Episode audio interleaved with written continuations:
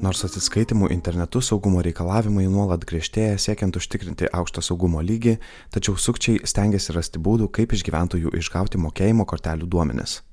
Pastaruoju metu jų taikiniu tapo asmenys, pardavinėjantis perkes skelbimų portaluose ir dėja tenka pripažinti, kad neretai sukčius lydi sėkmė.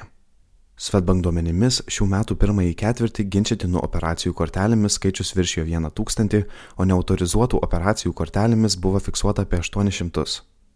Pastebima, kad pastaruoju metu suaktyvėjo sukčiai, kurie aktyviai domisi prekybos ir skelbimų portaluose gyventojų parduodamais daiktais.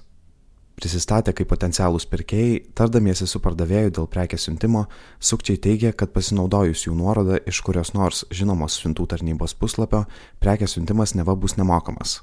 Čia ir slypi sukčių apgaulė. Šie puslapiai įtikinamai atkartoja įvairių realių siuntų tarnybų puslapių dizainą, o juose prašoma suvesti mokėjimo kortelių duomenis.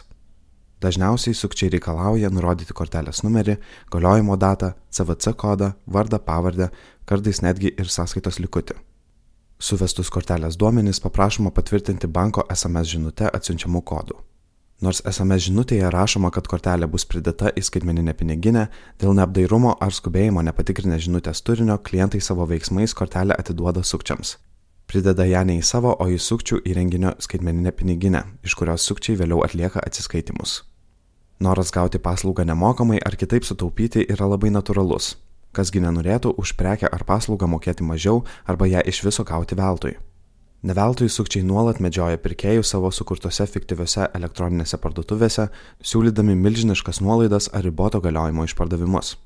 Vis dėlto, norint apsisaugoti nuo nuostolių parduodant daiktus prekybos ir skelbimų portaluose, visų pirma prekę siūsti reikėtų tik gavus apmokėjimą iš pirkėjo bei sutarus, kaip bus atsiskaityta už prekės siuntimą.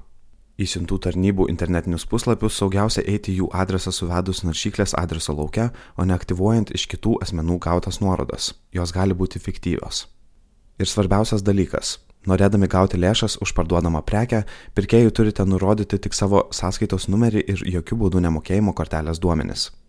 Atminkite, kad lėšų gavimui į sąskaitą nereikia jokio asmens tapatybės patvirtinimo, nei Smart ID, nei mobiliuoju parašu ar kodų generatoriumi. Jeigu iš jūsų prašoma ar reikalaujama šių duomenų, greičiausiai bendraujate su sukčiais. Todėl nedelskite nutraukti ryšį su tokiu pirkėju, kuris iš tiesų turi tik vieną tikslą - tai yra išgauti jūsų mokėjimo kortelės duomenys, kad ją ištuštintų. Sukčiai mokėjimo kortelių duomenys bando gauti ir kitais būdais. Itin dažnai bandydami privilioti interneto platybėse nuolaidų bei ieškančius pirkėjus į fiktyves elektroninės parduotuvės. Kelias į jas paprastai veda iš socialinių tinklų, bendravimo platformų ir pokalbių programėlių, kuriuose dėmesiui patraukti pateikiama informacija apie įspūdingas žinomų prekės ženklų ir gamintojų nuolaidas. Tokiu atveju labai svarbu išlaikyti šaltą protą.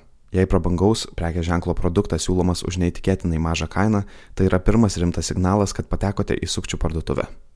Be to, fiktyvios parduotuvės paprastai sukūriamos trumpam laikotarpiui, tad apie jas greičiausiai nepavyks rasti jokių istorinių įrašų, pirkėjų atsiliepimų, svetainės adresas taip pat bus naudojamas trumpą laiką. Sukčiai taip pat būna linkę naudoti ribotos trukmės mega išpardavimus, pigaus apsipirkimo laimės valandas ir panašius triukus, kad tik patrauktų kuo daugiau dėmesio ir sudomintų potencialius pirkėjus. Tačiau tiesa ta, kad sukčiai jokių prekių iš tiesų nepardavinėja, o kokybiški žinomų prekių ženklų gaminiai turi savo tikrą kainą kurią lengvai sužinosite panašiai internete. Tad nesivaikykite didelių nuolaidų, nes dažniausiai tai yra sukčių vilionės.